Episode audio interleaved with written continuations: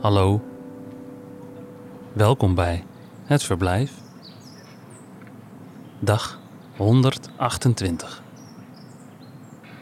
Vandaag Frank van Pamelen leest Goudvissen en beton van Maartje Wortel. Hij voegde uit en de richtingaanwijzer knipperde vertrouwd en ritmisch als de cursor in een leeg Word-bestand. Er stond iets nieuws te gebeuren. Dat zei mijn vader keer op keer tegen me, terwijl hij aan mijn haar plukte alsof hij stukjes van een suikerspin aftrok. Iets nieuws, meisje, dat voelde ik. Toen ik jong was, dacht ik aan de onzichtbare hand en soms dacht ik dat ik het misschien was geweest, die kracht. Dat ik mijn vader die afslag had laten nemen om een plek voor mij te vinden. Hij had bijvoorbeeld ook in Helmond kunnen eindigen, in Leiden, Groningen of Eilst, of op een industrieterrein want niet alle afslagen leiden naar een woonplaats. Mijn vader reed de stad binnen langs een moskee, een paar woonflats, een museum en het Wilhelmina-park. Daar heeft hij zijn auto geparkeerd. In het park is hij op zijn rug in het gras gaan liggen om naar de boomtoppen te kijken en te luisteren naar het gefluit van de vogels. Hij dacht: hier hebben andere mensen gelegen en gelachen, gehuild, gevreden, gedroomd, gedronken, gerookt, gesport, nagedacht.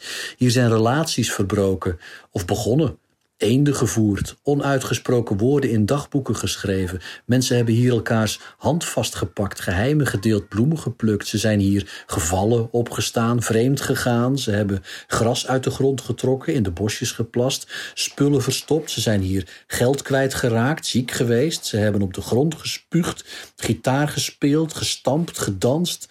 Ze zijn hier geweest. Mijn vader wilde niet aan dit moment in de tijd voorbij gaan zoals hij tot nu toe aan zoveel dingen voorbij was gegaan.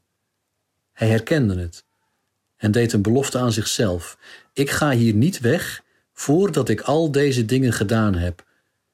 Mijn vader ademde diep in, hij trok gras uit de grond, stofte zijn broek af en ging de kroeg aan de rand van het park binnen.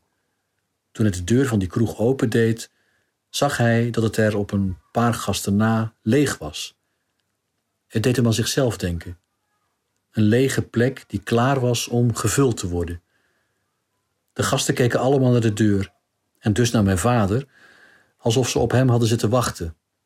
Dat zeiden ze ook. Eindelijk is daar iemand. Zo voelde mijn vader het precies. Hij was degene om wie het ging, de lang verwachte. Hij nam plaats aan de tafel bij de mannen en ging doen waar hij goed in was: praten. Zijn kalme stem galmde door het dranklokaal.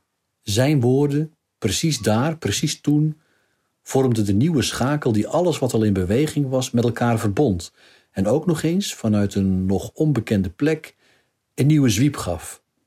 Ik, jij, twee, twee. Mijn vader, die van nature aanleg heeft voor drama, zelf noemt hij het romantiek, zei op zijn beurt met een zucht tegen die gasten: Eindelijk, de zee.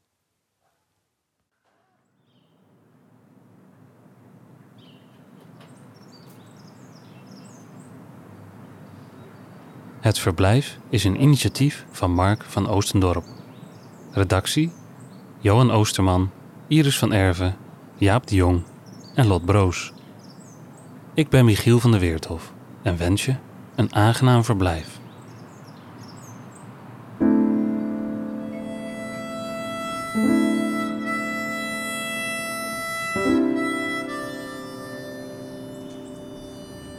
Tot morgen.